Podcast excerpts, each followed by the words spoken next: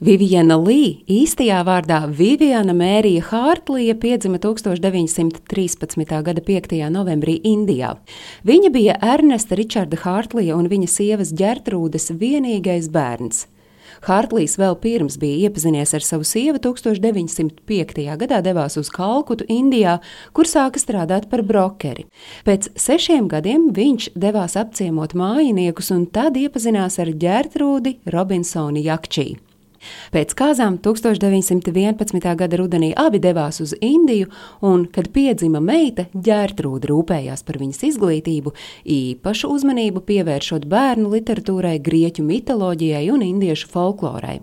1919. gadā Viviana ar ģimeni pārcēlās uz Londonu, kur mācījās Svētās sirds klosterī. Tur viņa apguva dažādas valodas, baleta mākslu, čela spēli un piedalījās skolas teātra uzvedumos.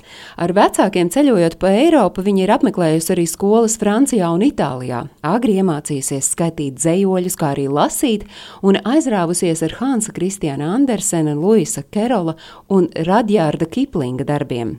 Jau skolas gados jaunā Viviena nolēma kļūt par slavenu aktrisi. Tāpēc, kad ģimene atgriezās Lielbritānijā, viņa 18 gadu vecumā iestājās Karaliskajā Dramatiskās Mākslas akadēmijā.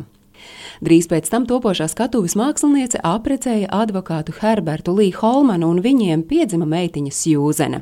Lai gan mācības grūtniecības dēļ nācās pārtraukt, enerģiskā jaunā sieviete nepadevās. Viņa pieņēma skatuves vārdu Viviana Lī un nolīga aģentu, kurš uzrunāja Eiropas tā brīža ietekmīgāko producentu Aleksandru Kordu ar lūgumu uzaicināt viņa klienti uz kino provēm.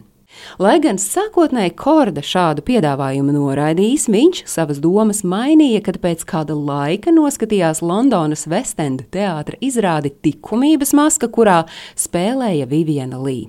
Ar spītīgo un neaprēķināmo raksturu, kā arī mīlas dēkām ar saviem skatuves kolēģiem, viņa kļuva aizvien pamanāmāka ne tikai Lielbritānijas augstākajās aprindās, bet arī pāri okeānam.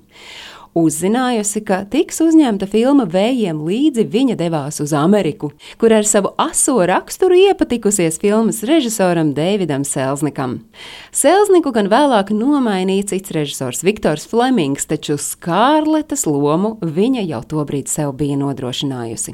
Un tā bija loma, kas 1939. gadā atnesa viņai viņas pirmo Oskaru un, protams, arī pasaules slavu. Diemžēl drīz pēc tam karjerai arvien vairāk sāka traucēt jaunās aktrises maniakāli depresīvā psihoze, kas izpaudās nespējā kontrolēt savas noskaņojuma maiņas. Tomēr vēl 1951. gadā viņa spēlēja leģendārajā ilgu tramvajā, kas atnesa gan otru Oskaru, gan virkni citu balvu. Savukārt 1953. gadā, kad aktrise atradās Ceilonā, lai filmētos ziloņu pastaigā, viņas veselības problēmas tā sāsinājās, ka tika nolemts Vivienu Lī aizstāt ar Elizabeti Teilori.